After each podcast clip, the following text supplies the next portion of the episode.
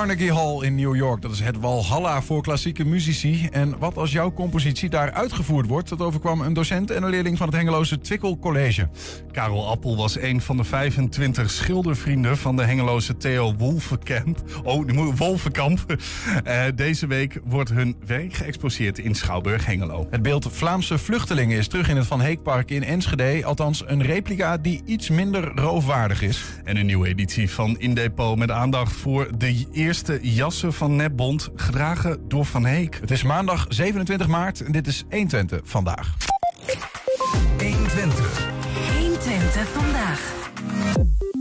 Carnegie Hall in New York. Dat is het walhalla voor klassieke muzici. Vorige week waren een docent en een leerling van het Hengeloze Twickel College getuigen van de opvoering van hun gezamenlijke werk door het koor van de Claremont High School. Daar. De een schreef de muziek en de ander schreef de tekst. En allebei zijn ze hier. Carol Witrok en uh, Jet Wolkotten. Goedemiddag, beiden. Goedemiddag. Goedemiddag. Uh, Jet, ik begin even bij jou. Een uh, leerling van 6 VWO. Ja, klopt. Um, wat, wat doet die in Carnegie Hall? Ja, dat is een hele goede vraag. Nee, het was een. Uh, kregen we de opdracht van mijn Engelsdocent. Kregen we te horen dat er een uh, soort wedstrijd was. waar je een uh, gedicht in mocht leveren. voor het thema dan War and Peace. Mm -hmm. En. Um, nou, dat leek me, en dan was de hoofdprijs natuurlijk een reis naar New York. En nou, toen de eerste keer dat ik het hoorde, vond ik het, het klonk gewoon een beetje raar. Ik dacht van, nou, dat is eigenlijk te mooi om waar te zijn. Maar ik vind dichten best wel mooi en helemaal lezen ervan ook. Dus ik, ik vond het wel bijzonder. En het leek me ook heel erg leuk om mm -hmm. de kans te, te, benutten. Dus toen uh, ging ik een gedicht schrijven. En ik had wel meerdere gedichten ook geschreven. En nou, toen uiteindelijk kwam er een uh, stukje uit. En, toen, en dat ging over de Friendly Old Lady. En daar heb ik een, het, de rest van het gedicht eigenlijk op gebaseerd. Met dank aan mijn moeder, want die vond dat stukje ook het mooist. De Friendly Old Lady. Ja. We komen zo nog verder over te spreken. Ja. Over wie of wat. Of mm -hmm. nou ja, hoe ja. dat dan is. Mm -hmm. uh, Carol, um, ja, hoe komen ze in New York aan jouw nummer? Nou, uh, ja, ik was er voor de vijfde keer en ik word er elke keer uh, uitgenodigd. Ze vragen me elke keer weer terug voor een. het is een organisatie die organiseert festivals in Amerika. En dan hebben ze altijd een, een composer in residence die dan een nieuw stuk schrijft voor dat betreffende festival. En dat wordt dan uitgevoerd. Het, het Spring Festival, Sounds of Spring Festival, ja. zo heet het. Ja. ja. En daar, daar deed je al meerdere keren iets voor? Ja, ze hebben verschillende festivals. Ik ben ook eens als in, uh, in Washington geweest. En dat heeft allemaal een andere naam. Maar de opzet is hetzelfde. En er komen een aantal orkesten en koren bij elkaar voor een jury die spelen. En uh, er wordt altijd een nieuwe compositie uh, gepresenteerd. Dus gelukkig mocht ik er weer eentje schrijven. Dus, dus eigenlijk begon het bij jou? Als in, ja, ja je werd gevraagd, schrijf een compositie voor dat koor. Klopt. Dat heb je gedaan, maar je moest er nog tekst bij hebben. Nou ja, ik, normaal moet ik voor orkesten schrijven. En uh, daar heb je niet zoveel tekst nodig. En ik ben geen, uh, geen uh, dichter of zo. Dus ik dacht, het is wel leuk om dat uit te zetten bij ons op school. Ja. Dus ik had aan de sectie Engels gevraagd of ze zoiets konden opzetten. En daar kwam het gedicht van Jet uiteindelijk tevoorschijn. Prachtig gedicht, heel muzikaal. Dus daar kon ik gelijk mee aan de slag. Het is ook wel gedurfd. Ik bedoel, Carnegie Hall zeg altijd al, het Walhalla voor klassieke muzici. Uh, je, je, hebt, je hebt de naam hoog te houden die je daar hebt neergezet. En dan vraag je toch uiteindelijk, ja, niet de nadelen van VWO-leerlingen. Maar ja, je weet nooit wat je krijgt, hè? Nee, dat klopt. Dat is, dat is wel zo. Maar ik had wel even contact met uh, de dirigent van het koor van tevoren. En uh, die vond het ook wel een ontzettend leuk idee om ja, de wereld eens te, te laten beschrijven nou, door iemand van 17 jaar. Mm -hmm. En dan krijg je toch een andere invalshoek dan wanneer je weer het zoveelste literatuurstukje neemt uit Engeland. Dus ja. die, die, die opzet vonden ze wel leuk. Um, we gaan zo meteen naar een stukje luisteren. Misschien eerst even gewoon met onze gedachten naar New York. We hebben een foto van uh, Carnegie Hall zelf. Volgens mij heb je deze zelf gemaakt, Carl. Ja. Tijdens een uitvoering. Nou, Daar dus, staat de doodstraf op, toch? Ja, dat is nog net voordat het, uh, uh, voordat het concert begint. Ik denk, dan kun je er nog, okay. net, eentje, nog net eentje knippen. Ja. Maar ze grijpen je gelijk in je nek wel als je aan het filmen bent daar, ja. Wat, wat, leg ons even uit. Je bent daar vaker geweest, hè? Ja. vertelde je net al. Um, wat is dit voor plek? Ja, dit is, het is natuurlijk een van de oudste uh, muziektempels uh, in New York. En dat is, uh, ja, voor mij is dat heel bijzonder. Want Tchaikovsky en Dvorak en al die grote componisten, die, Stravinsky, die zijn er allemaal geweest. En er zijn allemaal stukken van hun daar in première gegaan. Ja. ja als je daar rondloopt, dan voelt dat voor de componisten voelt dat wel een beetje aan als heilige grond. Hè? Lijkt me als voetballer, als je in het in het stadion van Real Madrid bent of Barcelona, dan heb je een beetje datzelfde gevoel. Hè? Dat, is, dat, dat, dat is het een beetje. Ja. ja, en het klinkt ook fantastisch natuurlijk. Het, is een, um, het, ja, het, is, het, het ademt gewoon uh, muziek en historie. Dat is, uh, dat is erg mooi. Gaan een stukje bekijken zelfs. Hè? Ehm, Friendly Old Lady, gecomponeerd dus door, uh, door Karel. En de tekst is van jou, Jet. En zo klonk dat daar in Carnegie Hall.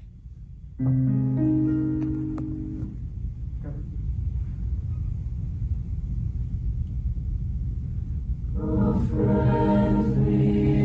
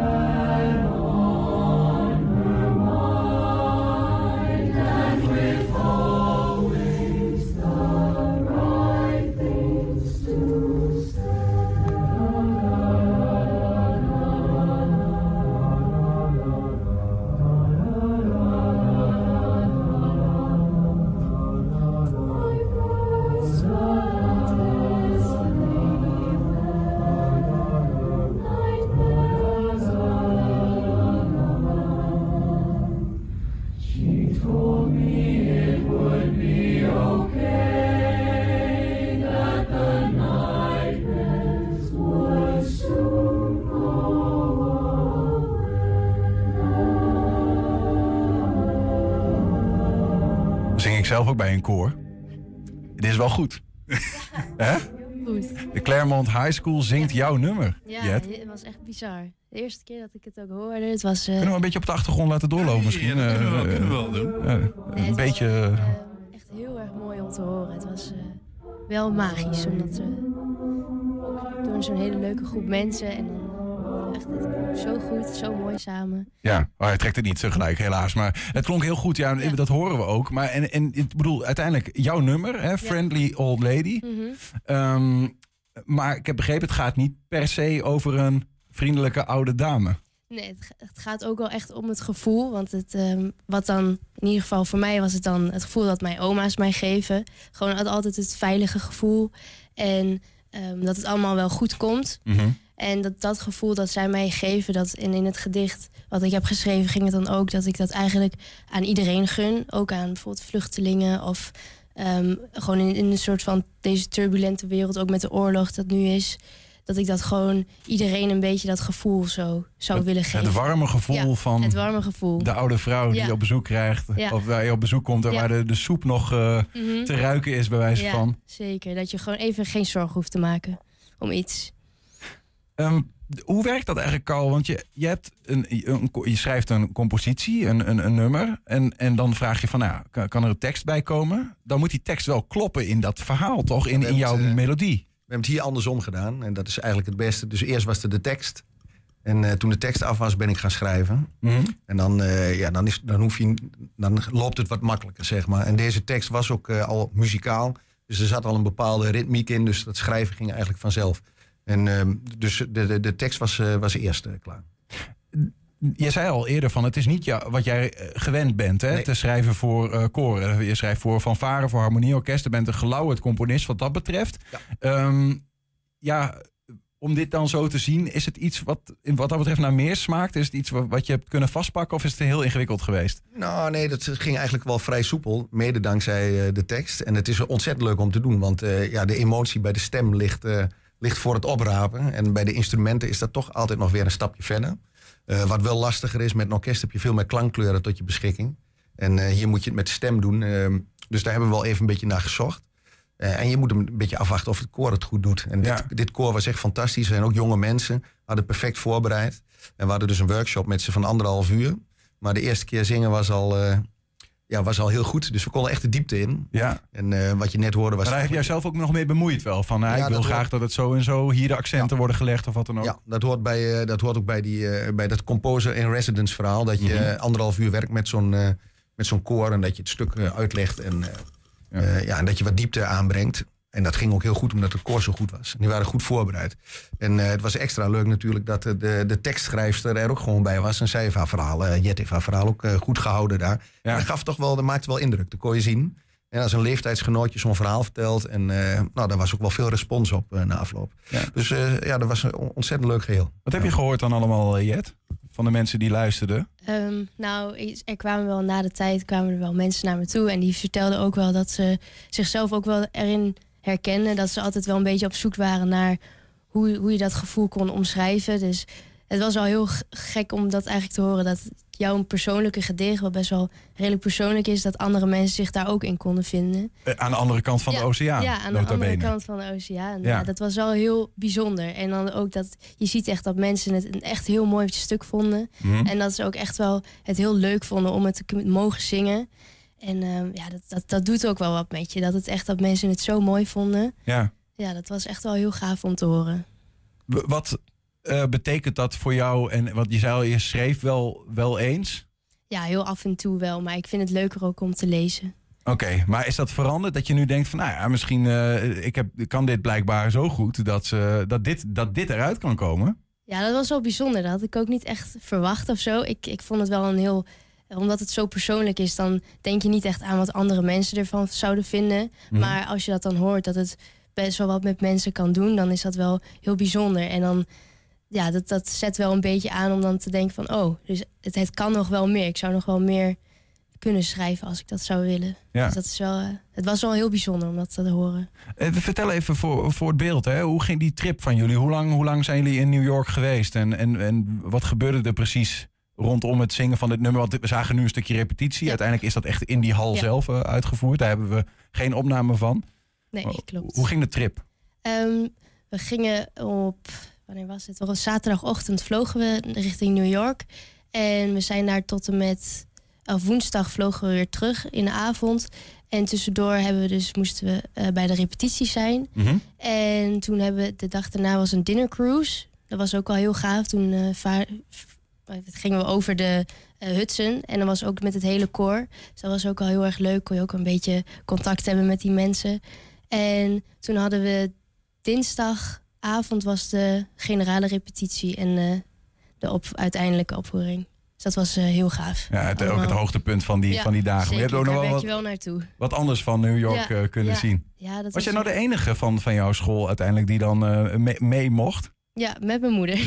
Jongen, jongen, de Ja, jaloerse is- blikken gehad. Van, ja, dat kun je wel zeggen. ja. Ja, zeker. Ja, had je niet verwacht toen je Nee. die opdracht kreeg van Nee, nou, eh, dit kan echt het resultaat zijn. Ja. Ehm, nou ja, eh, misschien ook een soort van smaak naar meer vraag.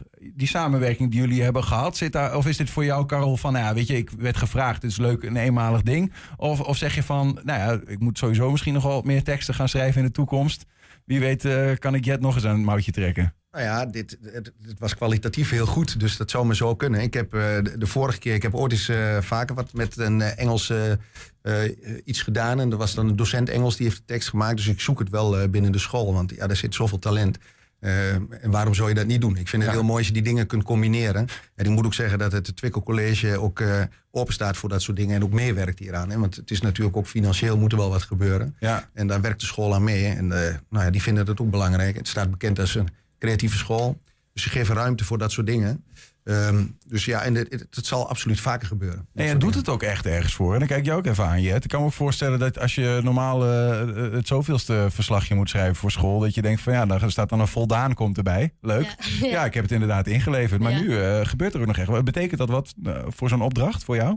ja, zeker. Je hebt wel meer motivatie. En je wilt dan ook echt wel wat moois inleveren waar je ook zelf echt wel tevreden mee bent. Dus ik was ook eerst, was ik niet de hele tijd niet echt tevreden met mijn, eh, met de eerdere gedichtjes die ik had geschreven. Dus dan wil je wel steeds nog wat beter of nog wat aanpassen. Mhm. Dus ik denk, als er zoiets van afhangt, dan wil je ook wel heel graag het beste inleveren.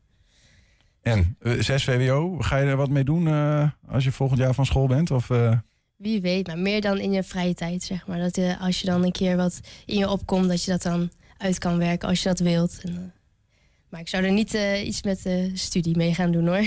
dat niet.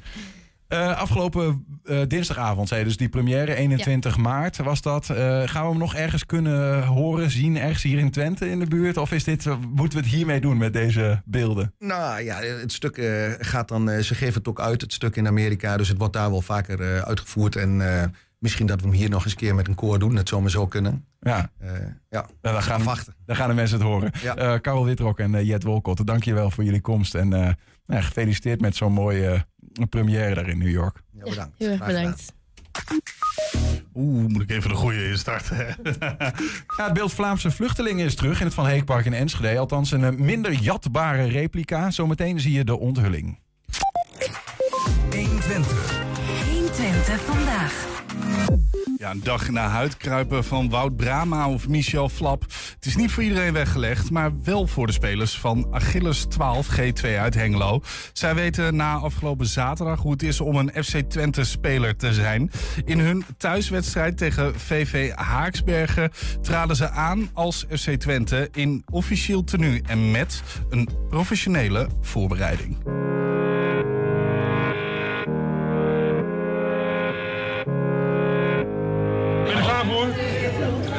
Nee, Oh, je bent nooit zenuwachtig, hè? Goed zo. Goedemorgen, welkom.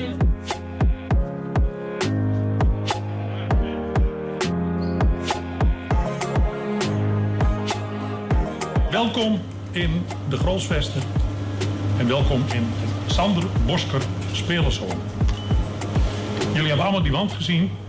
Een aantal zullen jullie zeker kennen, maar vandaag is het jullie dag. FC Twente, Achilles tegen Haaksbergen. Wat doen spelers als ze wedstrijd spelen? Eten, pasta.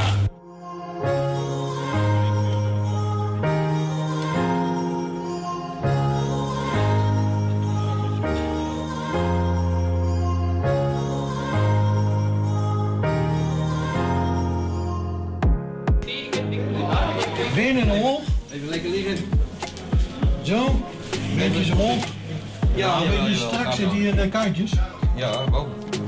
Probeer zijn kuitjes wat los te krijgen. Het is, het is nodig? Ja, wat heeft van de week eh, twee, drie zware trainingen gehad. En de trainer, Jan, heeft de opdracht aan mij en aan hem gegeven om dat los te maken. Zodat hij vandaag eh, optimaal mee kan doen. Dus we zijn nu de kuitjes aan het losmaken. En eh, ja, het voelt wel goed. Ik denk dat het vandaag wel goed gaat. Hij kan meedoen. Ja, zeker, zeker. Nou, hoe voelt dat? Eh, goed, helemaal goed. Ja? Kun je spelen? Ja, ik ben er klaar voor.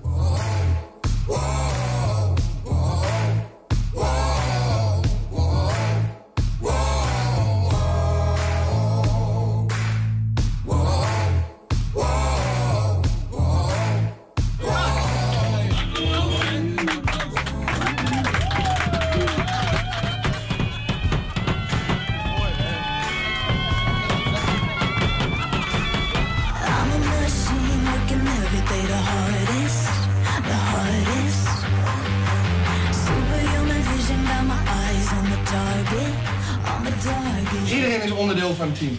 Jullie spelen samen en je doet... Nou, dat is wat de trainer en ik graag eh, vandaag ook willen zien. Jel, jel, jel! Vreten, vreten, vreten! Vreten, vreten, vreten!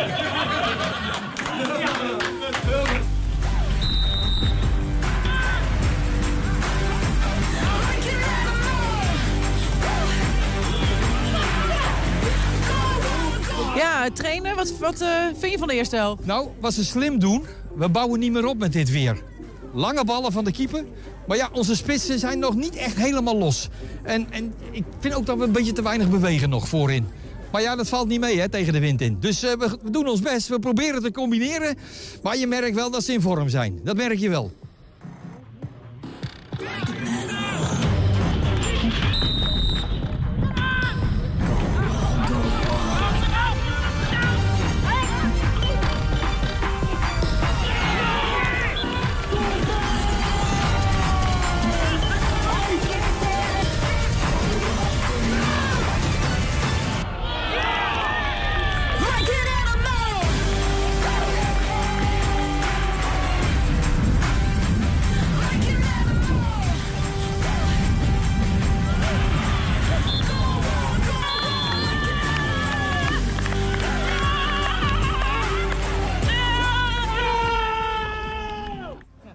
Prachtig doelpunt, maar helaas eh, wel verloren met het team. Ja, welk gevoel overheerst nu bij jou?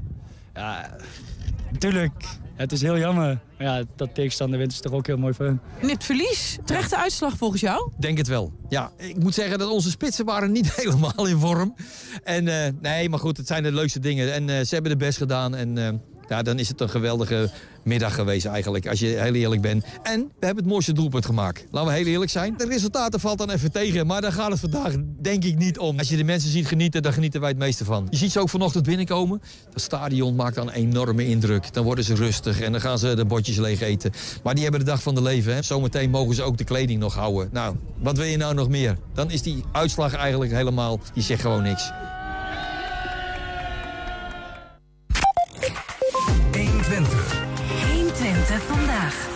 Dat is mooi om te zien. Ja, dat wou ik zeggen. Ja, de microfoon stond niet aan.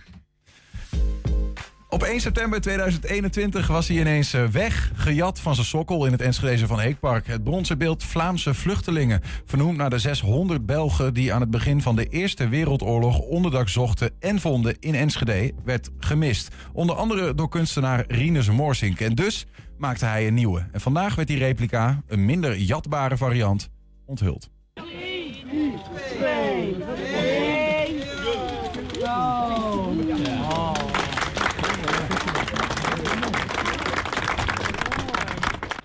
Hij is prachtig. Hij is echt wonder, wonderschoon mooi. We zijn Rinus Morsing ontzettend dankbaar eh, voor dit mooie, mooie gebaar. Ik vind het een heel, heel mooi beeld. Je, je ziet de verschillende generaties. Je ziet ze zijn, ze zijn onderweg. Eh, de grootvader heeft het lastig. Misschien ook omdat hij niet zijn land kan verdedigen. Dat hij ja, als oudere, zwakkere man moet volgen. En vooraan zie je de jonge vrouw die een zekere berusting heeft en die zegt we gaan er het beste van maken. 1 september kreeg het bericht dat het eh, beeld... wat destijds in brons is uitgevoerd, eh, gestolen was. We hebben eh, alles geprobeerd. We hebben ook nog een beloning uitgeloofd. We hebben de vijver gedreigd, maar eh, we hebben het beeld niet meer terug kunnen vinden. Ik heb hem gewoon helemaal nageboetseerd. Eerst de verhoudingen uitgetekend. Ik had maar één foto, alleen de voorkant. Er is nooit een foto gemaakt van de achterkant of van de achterkant van de zijkant. Eh, dus ja, toen maar meten en... eh, er kwamen nog heel wat berekeningen aan te pas. De dikte van de figuurtjes, de hoogte dus, de onderlinge verhoudingen. Toen ik die eenmaal had, die heb ik eerst eenmaal uitgetekend en uitgeknipt. Toen ben ik aan het boetseren geslagen. In eh 1914-18 heeft Nederland eh 1 miljoen vluchtelingen uit België opgevangen. Eh, waarvan zo'n 600 eh, in Enschede. Dus daar zijn we heel gastvrij geweest toen eh, in de Eerste Wereldoorlog. En dat is nog steeds actueel. Eh, Oekraïne, maar ook Syrië. En we vangen nog steeds mensen op met elkaar. Dus dat we nog steeds oorlog voeren, mensen opvangen... eh, vrouwen en ouderen opvangen, mannen die aan het vechten zijn. Het is blijkbaar helaas van alle tijden. En dat is goed om bij stil te staan. Het heeft heel veel betekend voor mensen in België dat ze in het buurland eh, Nederland eh, terecht konden. En heel persoonlijk, mijn hoogzwangere overgrootmoeder is naar Nederland gevlucht om eh, dan in België en in Nederland te bevallen. Want mijn eh, grootvader is geboren in Baarle-Hertog. Dus in België, maar ook in Nederland. En omwille van de oorlog. Dus het heeft heel veel betekend dat mensen zich veilig konden voelen. eh, en dat ze de, de angst en de verschrikking even konden ontvluchten. Gekke vraag misschien, maar wat als het oude beeld nu teruggevonden wordt, toch nog? Ik ga er niet vanuit. Helaas eh, zal die versmolten zijn tot, eh, tot een klopje brons. Het is fijn dat hij terug is. In ieder geval minder aantrekkelijk om te stelen. Ja, precies. Ja, dat zeg ik nog even in de camera. Jongens, laat hem heel. Karel Appel was een van de 25 schildervrienden van de Hengeloze Theo Wolvenkamp, zelf ook schilder. Deze week wordt hun werk geëxposeerd in de Schouwburg Hengelo. En straks zie je de opening van die tentoonstelling. 120. 120 vandaag. Ja, er zijn er die van Twente tot Oekraïne heel letterlijk nemen. Donderdag vertrok een vrachtwagen vol hulpgoederen vanuit Denenkamp naar de Oekraïnse hoofdstad Kiev. De lading, bedden en matrassen, voedsel, medicijnen en zelfs een revalidatiebad werd ingezameld door Twentenaren.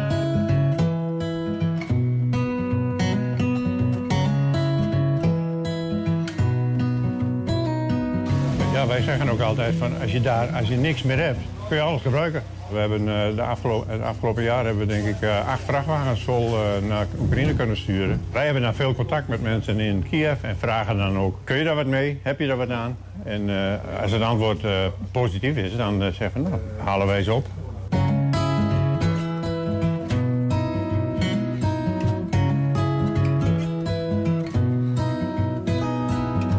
kijken naar de eerste levensbehoeften. Voornamelijk eh, bedden en matrassen. Daar zijn- hebben ze erg, eh, erg veel behoefte aan. Als er iets gebeurt in een huis, brand of weet ik veel, dan is dat direct is dat weg. En het gekke is, die mensen gaan dan bij andere mensen in een huis. Maar die kunnen ze wel slapen, maar hebben geen bedden. Dus die bedden hebben ze dan als eerste nodig. Nou, het voed, dat wordt echt eh, daar ter plekke uitgedeeld in kleine plastic zakken. En gaan direct naar de omliggende dorpen toe. Dit is eh Hansjel. Dit is eh, rookworst. Eh, dat is soep. En nog eens een keer soep. Hansjel, rijst en nog een keer rijst. Op een gegeven moment krijgen we foto's terug van bedden en, en dekens en, en dat soort dingen die we hier verzameld hebben. En daar krijgen we dan foto's van dat daar kinderen in liggen in een, in een huis wat half in puin ligt. Dus eh, op die manier krijgen we ook een respons van hun.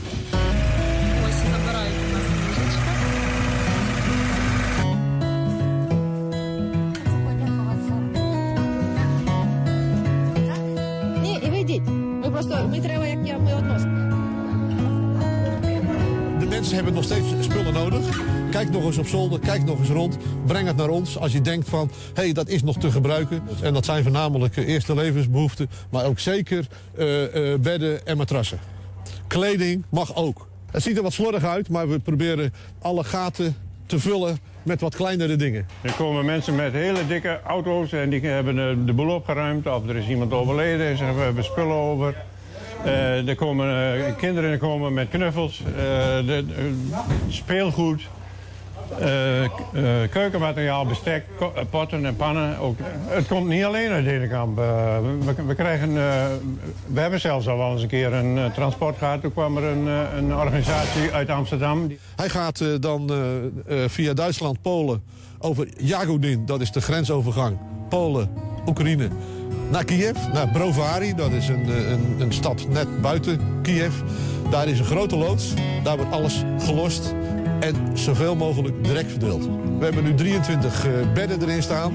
Die 23 bedden zijn nu al verdeeld. De mensen die weten al, die bedden komen eraan voor mij en ik kan ze volgende week, dinsdag, kan ik ze ophalen in de loods in Oekraïne, in Kiev.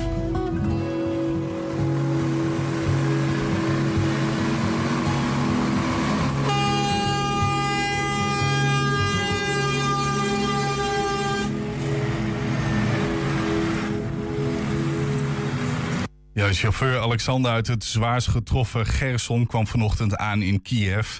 De vrachtwagen is inmiddels uitgeladen. In de loop van de komende weken of weken worden de spullen met kleine busjes gebracht op plekken waar ze hard nodig zijn. Ook zijn we als podcast te luisteren via alle bekende platforms. Je vindt daar de hele uitzendingen 120 vandaag en een item uitgelicht op 120 vandaag uitgelicht. 120. 120 vandaag. In Schouwburg-Hengelo is vanaf deze week een tentoonstelling te zien... met werken van de Hengeloze schilder Theo Wolverkamp... en 25 bevriende schilders, waaronder Karel Appel. De tentoonstelling is samengesteld door schilder Henk Lasje... die goed bevriend was met Wolverkamp. En dit is een schilderij van, van Wolvenkamp. ehm, waarin je kunt zien dat het. Het is, het is eigenlijk vrij druk geschilderd. En ik denk dat ik hier aan kan zien dat hij in het bos is opgegroeid. Want dat is hij. Hij is bij zijn oom min of meer opgegroeid. En, en, en niet in een wijs landschap. En ik vind het een prachtig doorgewerkt schilderij. Hij werkte eindeloos aan een doek, laag over laag. En dan ontstaan er soms hele dikke lagen eh, eh, olieverf. Soms kwam hij er niet meer uit. En dan eh, kon het zijn dat hij er met een mes doorheen stak. Ik heb daar twee voorbeelden van bewaard. En dat is eigenlijk eh, een soort eh, machteloosheid dat ik dan zie. Wij zijn hier in de Schouwburg van Hengelo, de Wolvenkamp foyer, bij een tentoonstelling Wolvenkamp en Vrienden. De tentoonstelling houdt in dat dit allemaal werk is van 25 verschillende schilders, die allemaal een relatie hadden met Wolvenkamp op een of andere manier. Wolvenkamp is een, een Hengeloze schilder, eh, die in 1948, dat is nu 75 jaar geleden, medeoprichter was van de experimentele groep Holland die in datzelfde jaar overging in de Cobra-groep eh, die in Parijs werd opgericht. Dus hij is lid geweest van de Cobra-groep. Hij is hier begonnen en eh, in 46 naar de kunstacademie in Arnhem gegaan. In 48 begon hij aan zijn Cobra-avontuur, wat duurde tot 51. En toen is hij in, via Parijs en Bretagne is hij teruggekomen naar Hengelo... en daar is hij de rest van zijn leven blijven werken. Vindt u zelf zo bijzonder aan de werk van, van Wolfkamp? Nou, hij, het, is, een- het is niveau. En wat je ziet aan zijn Cobra-periode, dat hij, hij was dus het jongste lid. En hij zat al op begin twintig, zeg maar, op een behoorlijk hoog artistiek niveau. En dan is het heel moeilijk voor een schilder om daarna de rest van je leven door te blijven schilderen. En dat heeft hij goed gedaan. Kijk, ik had het net over dat, eh, dat, dat schilderijtje wat Karel Appel in Hengelo gemaakt heeft in 45. Toen hij ondergedoken zat in, in Boekelo. Dat schilderijtje hangt daarboven. Dat is geschilderd in het atelier van Kees Gorter. Dat is een schilder uit Hengelo, aan de Schalkburgerstraat. En dit is de dochter van Kees Gorter die daarvoor model heeft gezeten. Dus we zijn heel blij dat dit schilderijtje is overgebleven uit die periode. En het is natuurlijk heel bijzonder dat hij in Hengelo wordt geëxposeerd. eh, omdat hij ook in Hengelo gemaakt is. Ik geloof dat dit doekje nog nooit op een expositie heeft gehangen. Wat heeft hij betekend voor de Nederlandse kunst en misschien ook wel de Hengeloze kunstwereld? In Hengelo werd hij niet zo gezien. Dat kwam pas eigenlijk eh, eh, na zijn dood. Dat, dat men dacht van, oh, dat was toch eigenlijk wel een goede schilder, die Wolvenkamp. Dat wil zeggen, eh, een bekende schilder, want je leest zijn naam nog wel eens. Maar echt wa- waardering voor zijn werk heeft hij tijdens zijn leven in Hengelo niet zo heel veel gehad. En, en waar ligt dat aan, denk je? Dat ligt aan zijn, aan zijn eigen manier van leven. Hij was een vrij teruggetrokken mens. Heel weinig mensen uit Hengelo wisten hoe hij eruit zag. Als ik, als ik normaal een tentoonstelling maak eh, met, een, met andere schilders... dan hang ik mezelf daar nooit tussen, want dat vind ik niet, niet kies. Eh, maar in dit geval, Wolvenkamp en vrienden. Ik ben zo lang met die man bevriend geweest. Dus ik vond eigenlijk dat ik wel één schilderij erbij moest hangen. En dan heb ik deze gekozen. Dit is eh, Afscheid van een vriend, heet dat. En dat heb ik gemaakt naar aanleiding van de dood van Theo Wolvenkamp in 1992. En wat voor, wat voor mens was Theo Wolfkamp? Aardig. Hij, hij had een, een kennis van de kunstgeschiedenis eh, waar je u tegen kunt zeggen, vooral de schilderkunst. En nou niet alleen moderne schilderkunst, maar vanaf de Vlaamse primitieve. Hij wist ontzettend veel. Het was een wandelende encyclopedie. Hij was soms wat eh, rauw en bruut kwam hij over, maar die man had een hart van goud. Wie in deze tijd echt bonddraag wordt vreemd aangekeken. Maar vroeger was het wel anders. Ooit was er dus een kantelpunt. Zometeen zie je een van de eerste jassen van Netbond. Gedragen door Van Heek is in depot. 120. 120 vandaag. Ja, vandaag is de week van het geld van start gegaan. Om deze week af te trappen kregen de leerlingen van de, het Omnis College in Almelo... een gastles van wethouder Eugène van Mierlo.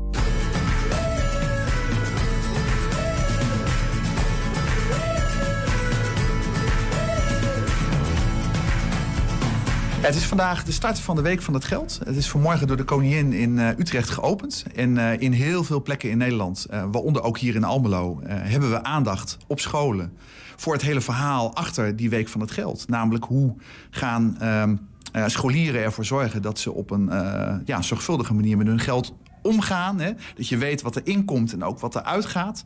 Ja, en dat is heel erg belangrijk, want de verleiding die ligt vaak op de loer om... ja, eigenlijk eh, verkeerd met geld en met, eh, nou ja, eh, laten we zeggen, zelfs criminelen eh, in zee te gaan.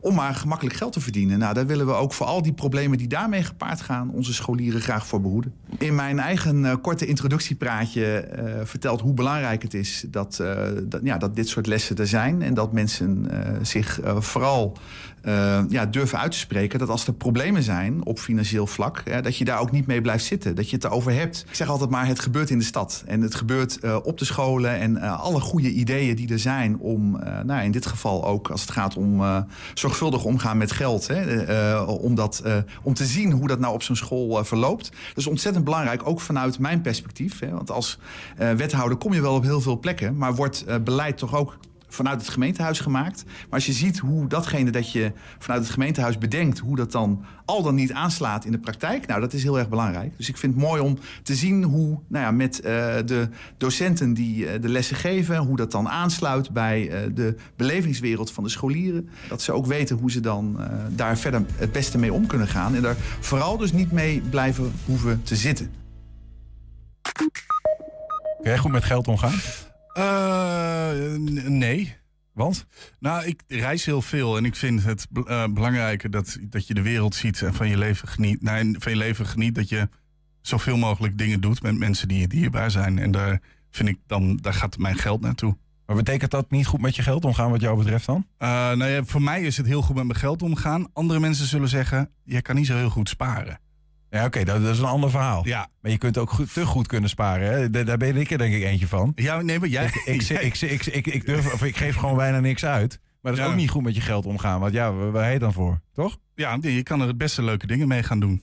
Dat, dat, Ja, reizen dat- bijvoorbeeld. reizen of naar theater of weet ik veel. eh, nee, een biertje in de stad is dan misschien een slecht voorbeeld. Maar eh, een concert bezoeken. Nou, heb je een tip? Voor, een, voor de uitgaanstip of zo? Of iets Ja, anders voor de redactie? Laat even weten. Info apenstaatje 120.nl kun je ons bereiken. 120. 120 vandaag. Ja, we schrijven jaren 80 van de vorige eeuw. Wie zich met een bontjas in het openbaar vertoonde... kreeg graffiti in zijn bontkraag gespoten. En daar kon je donder op zeggen. Denk aan eh, massaal doodgeknuppelde zeehondenbaby's, bloederige beelden van slagpartijen op Canadese sneeuwvlakte en de opkomst van Greenpeace. Het publiek, en zeker het jongere deel daarvan, pikte het niet meer, want bont was over en uit. De kiem voor die massale verontwaardiging was al eerder gelegd natuurlijk. En de Twentse zouden de Twentse textielfabrikanten niet zijn... als zij daar geen mouw aan pasten. Edwin, het, het, het, het doet me een beetje aan mijn jeugd denken. Ja. Jaren tachtig. Ja, je was van... eh, Greenpeace. Ja, ja ah, dat was ik ook. Ja. Jij ook? Ja, ja, ja. ja. Handtekeningen, acties. Ja. ja. Zeehondjes die doodgeknuppeld werden. Tegen doodknuppelen van zeehondjes. Ik heb zo het voordeel dat we die kant uit gaan. ja, ja, precies. Ik wil het gaan hebben over bontjas. Ja, daar was ik al bang voor. ja. Het is natuurlijk Ja. ook een oud textielmuseum. eh, Ja, ja, ja, ja, ik zal hem er meteen even bij pakken. En dit is, dit is echt bont. Dit is echt zeehondenbont. Oef. Ja, ja dit is een, een bontjas, een echte ouderwetse bont. Ja, waarom, ja, waarom draag je bont? Weet je dat ik nog nooit een zeehondenbontjas in mijn hand heb gehad? Volgens mij kan ik me niet herinneren. Je voelt het, hij is lekker zacht, hè? Ja. En, en ja, waar wordt bont voor gebruikt? Ja, eh, natuurlijk in eerste instantie, het is nog eh, heel goed isolerend, hè? Het is heerlijk warm. Ja, de Russen gebruiken het nog Rustig steeds. gebruiken, eh, de bont met toendra's. De toendra's, ja. Ja. Hè, dus een, eh, het is eigenlijk gewoon een huid met, eh, eh, ja, met, met de vacht er nog op. Dat, is wat je, wat, je, wat je hebt. En het is ook vooral een, een luxe product altijd geweest. Dus als je van goede komaf was, dan had je een. Het is een product voor de rijkere mensen. Ja. Even kijken wat daarin staat. Ja. Troutman Menko, Enschede. Nou, eh, veel dichterbij gaan we niet krijgen. Ja, ja. En Troutman Menko, dat was eh, het modehuis voor... eh, ja, beter gesitueerde. Beter gesitueerde, ja. ja. Die importeerde alles rechtstreeks uit eh, Parijs, de haute couture. En alle fabrikanten, vrouwen met name, die kochten daar hun, eh ja, hun garderobe. En die naaiden daar hun eigen labeltje in. Ja, ja. was als de Oude Markt richting Havenzaadpassage. Die, kant, die kant op, daar zat eh Troutman Menko, het modehuis voor de, de rijke mensen. Maar het heeft nog wel een link met Menko, een andere link. Want dit is, de, de jas zelf die is van mevrouw Krudop geweest. Wel een bekende naam, maar... En, en Krudop, nou ja, je had eh, eh, familie, eh, mevrouw, familie Roosendaal van dit complex. Waar we nu zijn. Waar we nu zijn. Ja. Het is van het Roosendaal-complex. Het Roosendaal, die is op een gegeven moment getrouwd met meneer Menko van de fabriek iets verderop. Steenworp afstand. Ja, ja, dus had je al twee Joodse families eigenlijk. Hè? Ja. Die gingen trouwen. Meneer Menko die verongelukte met een auto-ongeluk. En mevrouw Roosendaal is hertrouwd met eh, eh, de beste vriend van eh, meneer Menko. Nee? Ja, en dat was meneer Krudop. Maar deze is van mevrouw Krudop geweest. Die dus verbonden was, familie Krudop, aan het Roosendaal, Menko en Tatum. Dus eigenlijk Dit hele gebied? Ja, ja. was eigendom van Deze mevrouw Krudop. Krudop Ja. en mevrouw Krudop. Oké. Ja. En, daar we is deze hebben het over eh, van, van wanneer... Deze, we? deze jas jaren 50. Jaren 50. Ja, ja, jaren 50 is deze jas. Toen droegen we nog bont en kon dat nog. Ja, ja, want die- in de jaren, jaren eh, 50 had je al dat men begon met een quotum. Maar dat was meer ingegeven in, in Nederland zelf. Want in Nederland werd ook gejaagd op eh, zeehonden. Eh, maar dat was meer ingegeven doordat de aantal zeehonden al verminderde toen. En in, eh, in 1962 was er een algeheel verbod op zeehondenjacht. In Nederland? In Nederland, Dat is een vrij vrede aangelegenheid, hè? Eh, toch nog even met, met een soort pikhouweel. Paf in de schedel. Paf in de schedel, een knuppel eh, vaak. Om, om maar dat die vacht een beetje mooi bleef voor de handel. Ja, want hier zitten zeker dit, vier van dit soort hondjes in. Zeehondjes in, ja, denk ik. ja. Nou ja, en dan had je ook nog die jonge zeehondjes. En Die hadden Wit. een hele mooie witte vacht. En eh voor, daar kreeg je hele mooie bontmantels van. Dus die waren ook geliefd om die jonge zeehondjes door te knuppelen. En eh, dat is verboden eh, eh, wereldwijd sinds 1987. Dus dat mag niet meer. Jaarlijks worden in Canada nog 50.000 zeehonden... 50.000? 50.000 zeehonden doodgeknuppeld. Zo. Ja. En er zijn nog steeds in Canada, Namibië, Groenland, Rusland, Alaska... dat zijn de plekken waar nog steeds zeehonden doodgemaakt worden voor hun eh, vacht. Op een gegeven moment had je een, een tendens van, eh, eh, ja, dat doe je niet meer. Hè, eh, zeehonden doodmaken voor een vacht. Überhaupt bontmantels dragen, dat was helemaal uit de mode. Hè. Er werd ook op straat spuitbussen. Echt, dus ook onder de rijke mensen was het not done om bontjassen meer te dragen. Hè. Dat was jaren 70, kwam echt kentering. En Van Heek is daarop ingesprongen. Want die is eh, namaakbont gaan produceren. Ja, en daar heb ik hier een jas van.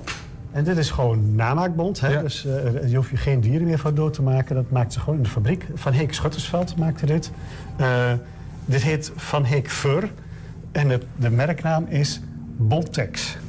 En we hebben het over de jaren. Dit is dan natuurlijk. Dit dit moet in de, 70. ja, wat zeg het? Dit Ja. moet in de jaren 70, 80 Ja, geweest Je kan het ook nog bijna zien aan het ontwerp van het jasje. Want hier op de schouder heb je een zakje. Nou, wat past hier precies in? Een mobieltje. het pakje sigaretten. Ah, maar echt waar? Ja, ja. Daar was dit voor? Ja, daar was dat, dat- daar was dat zakje voor. Dus ik vond een, een krantenbericht uit 1984 dat de fabriek het zwaar had. Dus dat, dat ze zeiden van, nou moeten we ermee, eh, eh, wordt, de, wordt de boel niet, moeten we ermee ophouden. Ja. Eh, maar ik vond uit 1985 nog een advertentie van een Marseillais eh jas. Nou, die kon, eh, die kon de Marseillais bestellen uit de catalogus. En die stond, de voering was gemaakt van Van Heek Bontex. Ja, ja, ja. En dat was een advertentie uit 1985 van de bestond het Marseillais. Ja. Dus 1985 produceren ze dit nog, sinds de jaren 70. Eh, in de haute couture, hè, dus Parijs de modeshows, die grote modehuizen... die hebben pas in 2021, 2022 besloten... wij gaan geen echt bont meer doen in onze creaties. Oké, die, hebben- die, die zijn daar helemaal. Maar in 2021 pas, 2022. Ja, ja echt ook helemaal nog maar heel recent. Hè? Dus Ja. Maar leer gebruiken ze wel weer. Leer- leer wel natuurlijk, ja. ja. ja. Goed, blijft een discussie. Maar ehm, we hebben mevrouw Crudop, het zeehondje en Netbond. Ja, geproduceerd in Enschede. Ja, echt hè? Mooi man, dankjewel. Graag gedaan. Deze aflevering van In Depot en alle andere afleveringen vind je op het YouTube-kanaal van 120 Enschede. Is dat de eindtune? Ja, dat is de eindtune. Een keer wat eerder als normaal. Het is kwart voor vijf. Lekker hè? Kunnen we even een koffie doen? Even Ja, ja. Eh, wil je die drie kwartier, die mooie drie kwartier terugkijken? Dat kan via 120.nl. Vanavond op tv, zometeen op de radio hier. Henk Ketting met de kettingreactie. Tot morgen. 120. Weet wat er speelt in Twente. Met nu het nieuws van 4 uur. Goedemiddag, ik ben Bas van Halderen. Ook premier Rutte staat stil bij de dood van komiek en schrijver Wim de Bie. Hij schrijft op Twitter dat hij terugdenkt aan zijn jeugd... en de zondagavonden dat hij naar Van Cote en de Bie keek op tv. Het typetje Tetje van S, een parodie op een Haagse vrije jongen... is Rutte het meest bijgebleven. Hij wenst de nabestaande sterkte. Schotland krijgt voor het eerst een moslim als premier. Humza